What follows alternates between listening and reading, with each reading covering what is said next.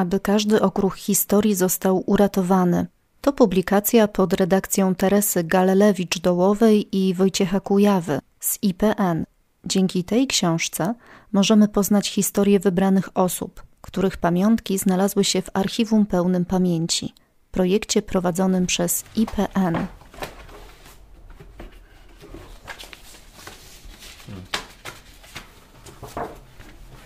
Tutaj mamy akurat zdjęcie Starzyńskiego z okresu służby w Policji Państwowej. A jak czytamy na przykład rysopis spisywany w legitymację, to jest pan, który miał 1,73 m wzrostu. Na drugim zdjęciu widzimy go w służbie w polskich siłach zbrojnych. Nie jest też jakoś zbytnio atletycznie zbudowany. Taki typ inteligenta, druciane okulary mocno już posunięta łysina z przodu. No, mówimy o oficerze policji państwowej, o cichociemnym, mm, o człowieku, który pracował w strukturach Komendy Głównej AK. Jakby ktoś spojrzał na niego, nie znając jego historii, to nikt by pewnie nie podejrzewał, że tak bogaty życiorys. When we met him, kiedy go spotkaliśmy, był bardzo blady i wątły.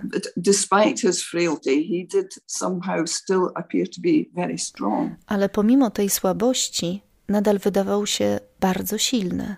He, looked a very elegant man. He wore a monocle and he smoked a cigarette in a cigarette holder. Siedział przy pracy i wyglądał elegancko. Nosił monokl i palił papierosa w holderze. So, uh, he, he. Wydawał się być szczególnym człowiekiem.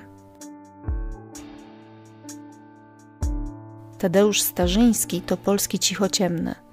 Żołnierz, policjant, więzień polityczny i ofiara represji stalinowskich. W książce poświęcony jest mu rozdział pod tytułem Zrobię wszystko, by iść do Polski i do Was autorstwa Grzegorza Trzyny, który będzie jednym z narratorów tej opowieści. Historii, która światło dzienne ujrzała przez przypadek kilka lat temu.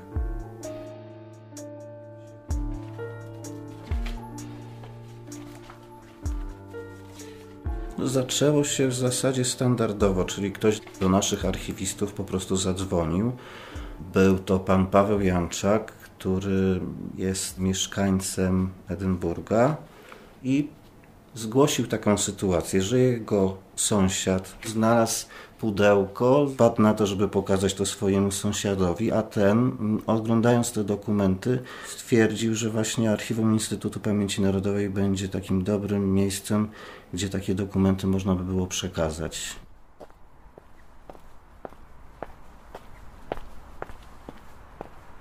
Edynburg, luty 2022 roku. Jolanta Siwiec, Polka mieszkająca w Edynburgu, odnajduje dom Pawła Janczaka, by zapytać go o znalezisko sprzed kilku lat. Dobry wieczór. Dziękuję bardzo.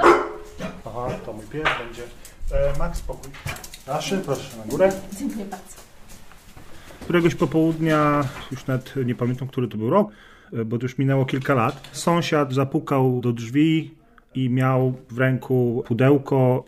Mam coś, co wydaje mi się, że jest e, ciekawe i może ty będziesz wiedział, co to może być, bo są tutaj rzeczy osobiste, prawdopodobnie, no tak mi się wydaje, bo to tak brzmi to nazwisko, że to jest, są rzeczy polskiego żołnierza, który e, mieszkał mojego dziadka Mój dziadek zmarł niedawno, te rzeczy były dobrze jakby zapakowane w tym pudełku. No najpierw oczywiście przyjrzeliśmy wszystko i ja po prostu byłem dosyć zdumiony, że wszystko jest w takim dobrym stanie. Od razu mi się wydawało, że to ma jakąś wartość na pewno historyczną. Żyjąc poza Polską już tyle lat, bo w tym roku już będzie 17 lat, jak, jak tutaj jestem, jakoś tak człowiek być może bardziej... E, czuję więź z, z tym swoim krajem i no, takie rzeczy uważam, że nie powinny gdzieś tam leżeć na półce, kurzyć się. E, najrozsądniejszym e, mi się wydawało po prostu telefon do, do IPN-u. Nie wiem, czy to było już tego samego dnia, czy może następnego dnia. Dostałem telefon, ale nie pamiętam, czy to już był Grzegorz Trzyna, czy to był ktoś jeszcze inny. E, zadzwonił do mnie i poprosił po prostu, żebym ja sfotografował te rzeczy i wysłał mailem jak najszybciej, bo wydawało im się już wtedy, że to są y, rzeczy osobiste właśnie tego Tadeusza Starzyńskiego, o którym oni jakby myśleli. Głównie wydaje mi się, że to matka Nika, która najbardziej pamiętała Tadeusza jeszcze z młodości, ona chciała, żeby, żeby te rzeczy znalazły się w Polsce. Osobą, która odnalazła rzeczy Starzyńskiego była Heather Milligan z domu Ross. Matka Nika, sąsiada Pawła. Uh.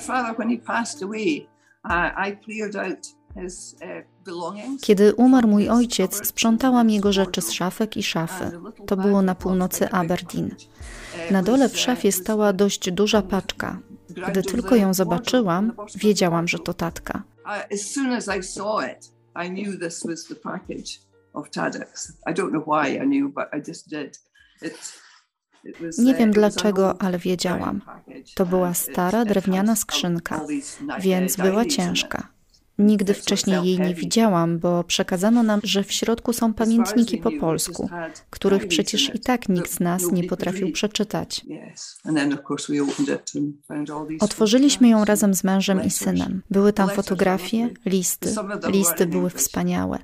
Niektóre z nich napisano po angielsku. Czułe listy. Widać, że bardzo im na sobie zależało. Zdjęcia jego żony, dzieci, zdjęcia moich dziadków i zdjęcia tatka w ogrodzie. Była uh, tam jego odznaka policyjna i rodowy pierścień.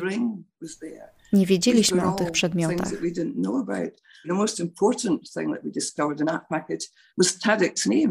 ale najważniejsze, co odkryłam w tej paczce, to no było nazwisko tatka. My znaliśmy go jako tatka, przyjaciela mojego ojca. Mój syn powiedział: Sprawdźmy, czy możemy go odnaleźć. Poszliśmy do komputera i nie mogliśmy uh, uwierzyć, bo znaleźliśmy stronę na Wikipedii jemu on poświęconą. Pomyśleliśmy: Mój Boże, to była taka wyjątkowa osoba.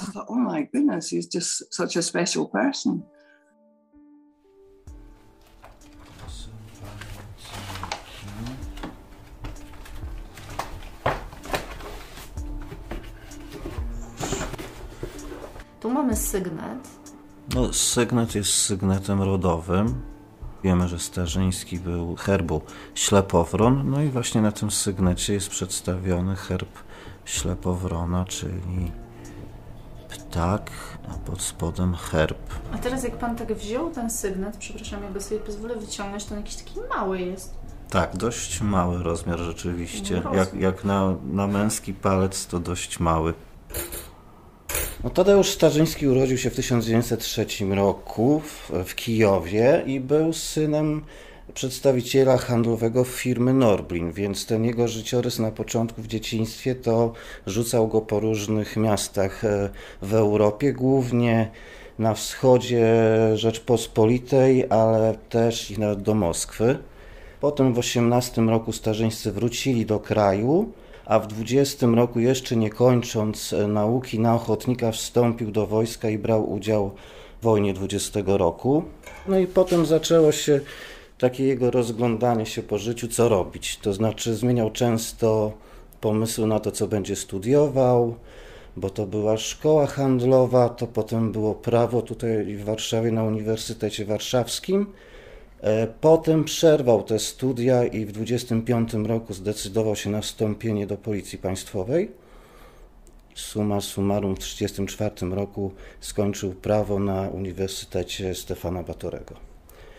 W międzyczasie też oczywiście założył rodzinę, ożenił się z Marią e, Sparowskich i miał z nią dwójkę dzieci Andrzeja i Jadwigę, a jednocześnie ta kariera policjanta u niego się rozwijała. W 1939 roku był już policjantem w stopniu podkomisarza. Pełnił funkcję najpierw kierownika referatu politycznego, a potem też zastępcy naczelnika Wydziału Śledczego w Warszawie w Wojewódzkiej Komendzie Policji. I przychodzi wrzesień 1939 roku. 18 września jest w Równem. I w tym dniu wchodzą wojska radzieckie do miasta i on jako policjant musi się ewakuować. E, przechodzi na południe kraju i decyduje się przejść granicę polską z Węgrami. I to jest taka decyzja, którą on żałuje chyba do końca życia. Można to przeczytać w jego pamiętnikach nam właśnie przekazanych, w jego prywatnej korespondencji.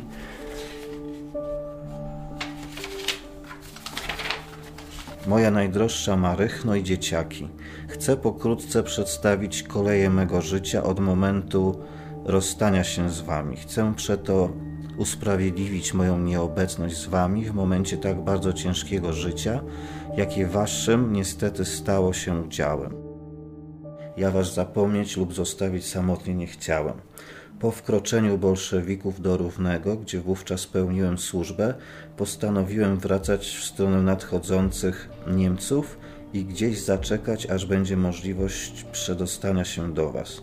Niestety, samochód, jaki miałem do dyspozycji, spalił się i musiałem wobec obecności bolszewików możliwie szybko wydostać się z ich zasięgu.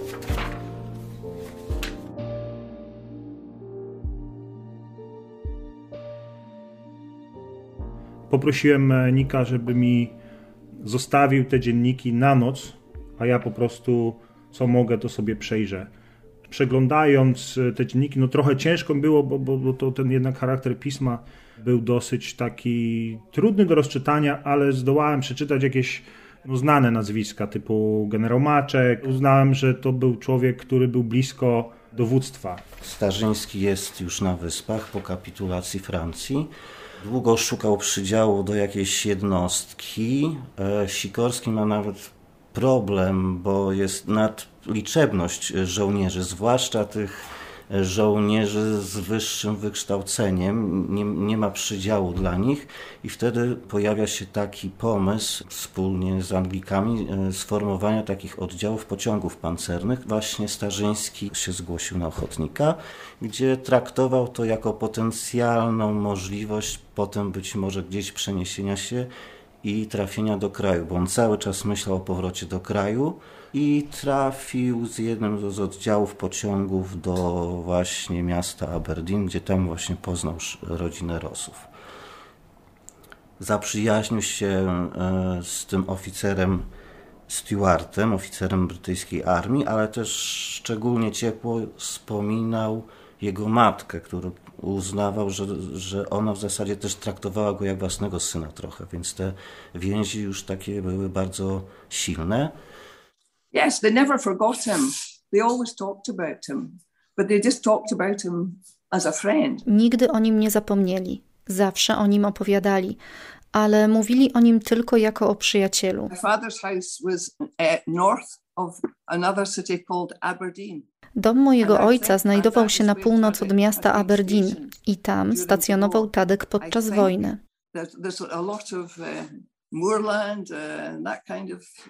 Tam jest dużo wrzosowisk, skał i gór. Myślę, że tam Tadek trenował przed skokiem do Warszawy.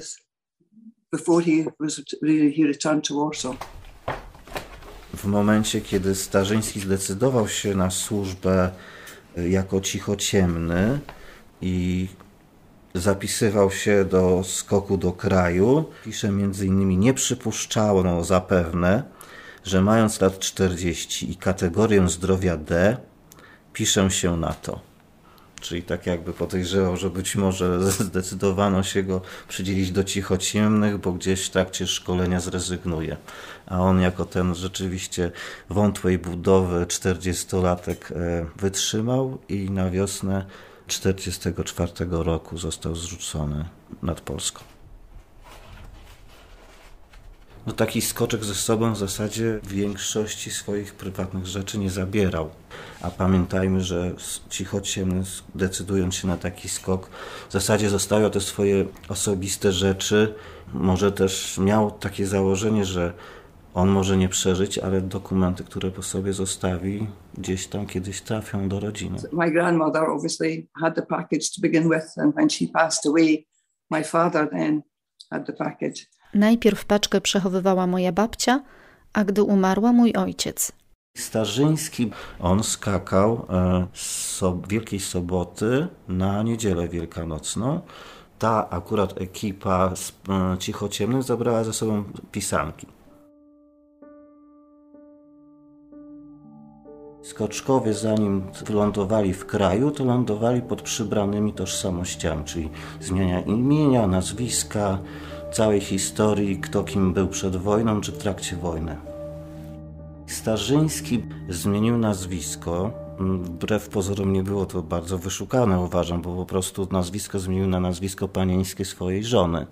Czyli ze Starzyńskiego stał się Parowskim.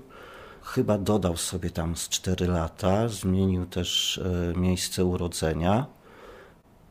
To jest też ciekawe, że my w dokumentach w naszym archiwum zgromadzonych po Ministerstwie Bezpieczeństwa Publicznego widzimy te zmiany, bo kartoteka na przykład założona na właśnie osoby rozpracowywane i w tym na Starzyńskiego zakładała w tamtych latach 40., że to jest Tadeusz Parowski, urodzony tam nie w 1903, tylko tam w 1898 i tak dalej, i tak dalej.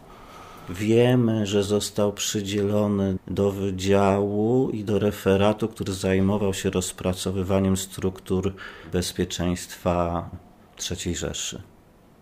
W Warszawie zastaje go powstanie. Niektórzy badacze twierdzą, że być może był odpowiedzialny za zabezpieczenie dokumentacji tego wydziału, a nawet mm, na wyprowadzenie tej dokumentacji po upadku powstania z Warszawy. No i potem mm, udaje mu się uciec z Warszawy po powstaniu.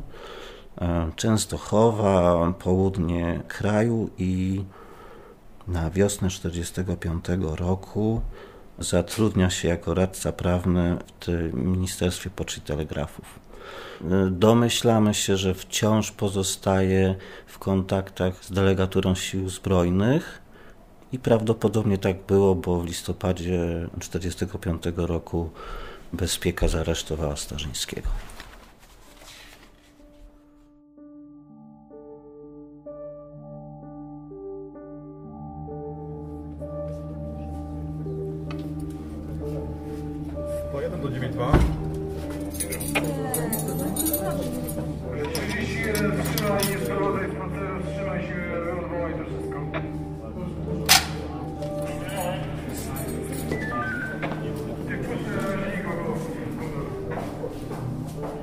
Starzyński trafił do aresztu śledczego na Rakowiecką. Współcześnie cele, gdzie wówczas przesłuchiwano więźniów, są otwarte dla zwiedzających.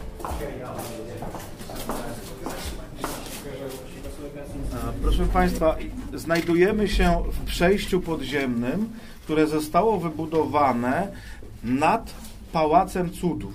Pałac Cudów to jest e, pawilon wybudowany w latach 40. specjalnie do prowadzenia przesłuchań. Zapytacie się Państwo, dlaczego taka nazwa, dlaczego Pałac Cudów? To jest nazwa nadana przez więźniów, ponieważ tutaj w czasie przesłuchań funkcjonariusze Urzędu Bezpieczeństwa z ludźmi po prostu robili cuda. Z wspaniałych, dzielnych bohaterów robili ludzkie zwłoki w zasadzie. Wraki ludzkie. Jesteście wszyscy dorośli, więc mogę powiedzieć, najdelikatniejsza tortura to było zrywanie paznokci. Tutaj mężczyznom miażdżono jądra, a kobiety przesłuchiwano przy pomocy szczotki do czyszczenia toalet. Tutaj w tym pawilonie pracowali najwięksi bandyci Polski komunistycznej.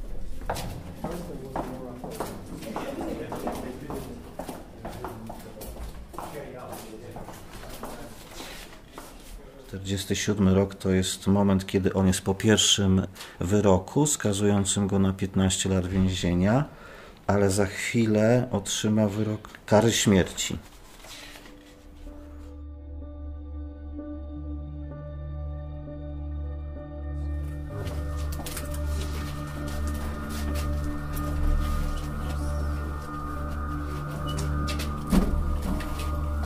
Tutaj, w tym pomieszczeniu odbywały się egzekucje.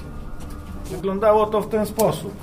Doprowadzano więźnia w te drzwi, padał strzał, człowiek spadał tam na dół.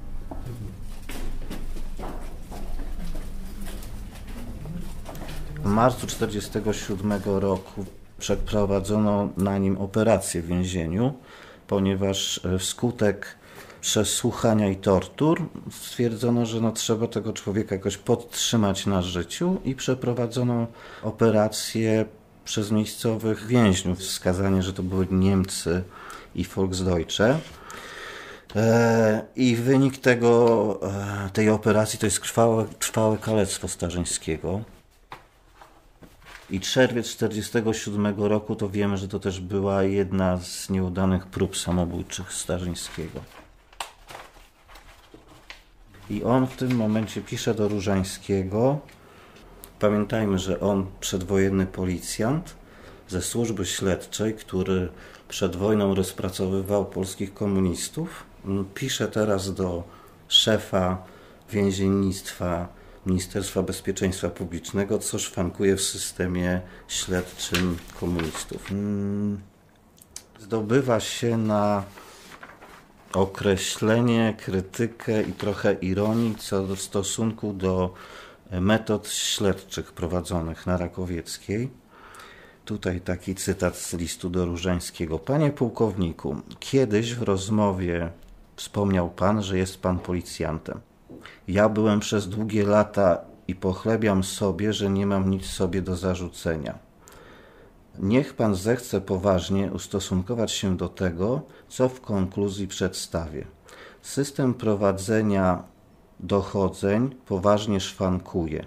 Nierówność i pochopność w postępowaniu pańskich oficerów śledczych wynika z braku pewności co do potrzeb i możliwości dochodzenia, a więc złożonych w zasadzie przez ludzi bez przygotowania zawodowego, a w większości przez ludzi, ludzi wyzutych z uczuć moralnych. Jak ten list przeczytałem, to dowód odwagi, ale też jeszcze jakiś taki no, ktoś e, w godzinie swojej ostatniej zdobywa się na obiektywizm, żeby rozmawiać ze swoim katem na temat metod śledztwa, to jest coś niesamowitego.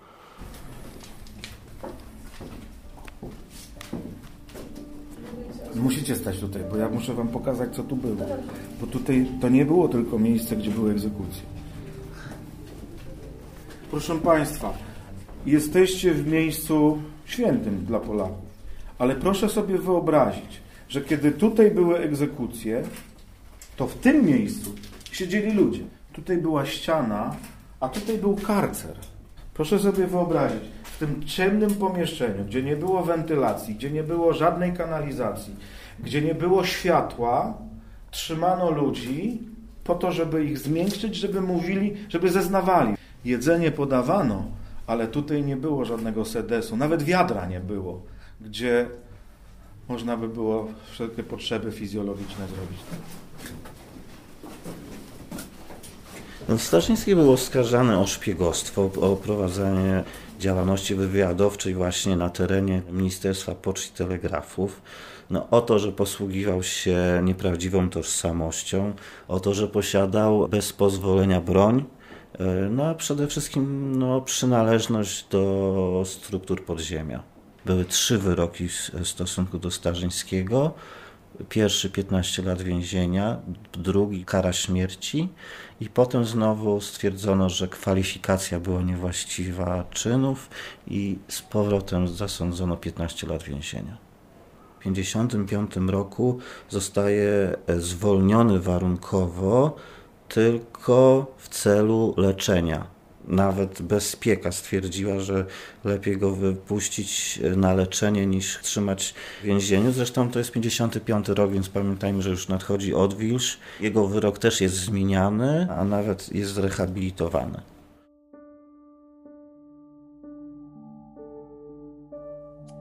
We always knew uh, Tadeusz as Tadek. and uh, we made our trip to Warsaw in 1969. My father wanted to find his friend in Warsaw. He had uh, to get permission from uh, Britain's security service Znaliśmy Tadeusza jako tatka. W 1969 roku mój ojciec otrzymał od wywiadu brytyjskiego pozwolenie, by odnaleźć w Polsce swojego przyjaciela. I całą rodziną, samochodem, pojechaliśmy do Polski. Nie mogliśmy znaleźć Tadeusza pod adresem, który mieliśmy, a ludzie byli wobec nas bardzo podejrzliwi. Nasz samochód miał radio. Myślę, że w tym czasie w Polsce to było coś szczególnego i wielu z nich myślało, że jesteśmy z policji.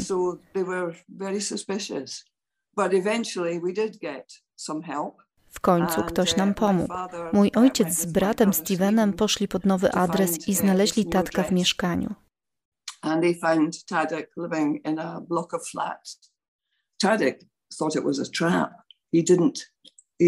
Ale on myślał, że to pułapka. Początkowo nie poznał mojego ojca. To było niesamowite.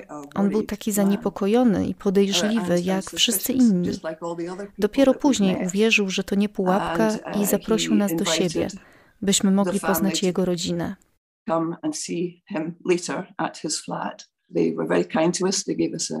Starzyńscy dali nam posiłek i byli bardzo mili. And Tadek later sat down opposite us and told us his horrific story. Potem Tadek usiadł naprzeciwko nas i opowiedział nam swoją poruszającą historię.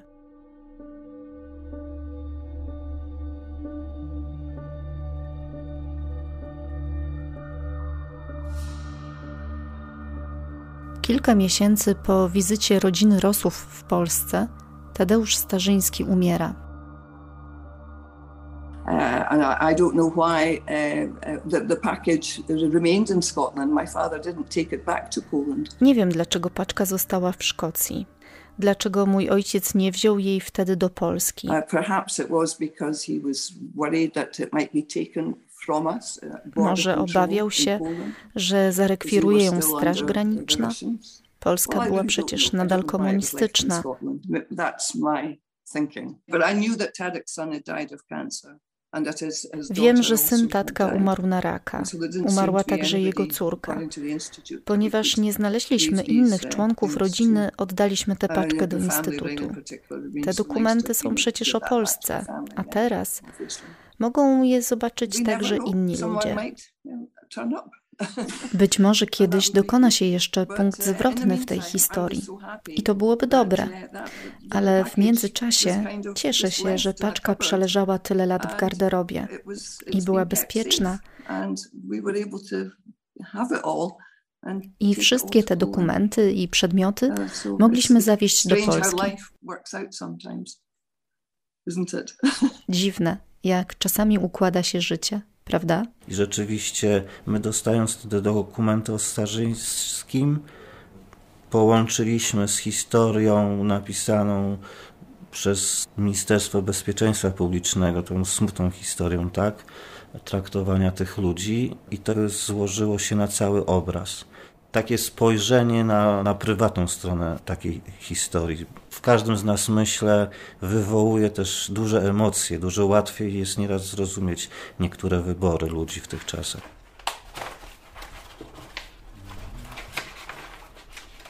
W dokumentach, które zgromadziliśmy tutaj po Starzyńskim, no najbardziej wzrusza nas to, co znaleźliśmy w kopertach, w pięciu kopertach przekazanych nam do zasobu.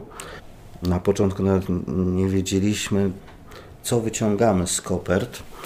Rzadko to robimy, ale w tym momencie pozwoliłem sobie przygotować. To jest pięć kopert oznaczonych datami rocznymi od 39 do 43 roku. E, I to są opłatki. W pamiętnikach Starzyński każdej Wigilii można powiedzieć, że tak na, na odległość dzielił się opłatkiem ze swoją rodziną i zapisywał, że dzisiaj Wigilia, nie wiem, 39 roku, dzielę się z wami opłatkiem i ten opłatek zachowuję dla was. I te opłatki również znalazły się, okazało się w tych dokumentach przekazanych nam przez Szkotów. No i to było rzeczywiście coś, co ścisnęło nam gardła, kiedy zobaczyliśmy.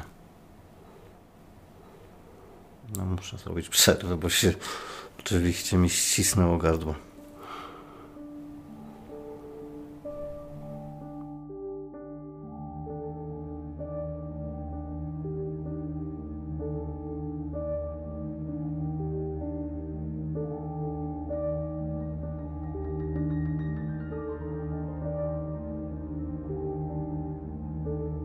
Był to reportaż Katarzyny Błaszczyk z torby reportera i podcastera.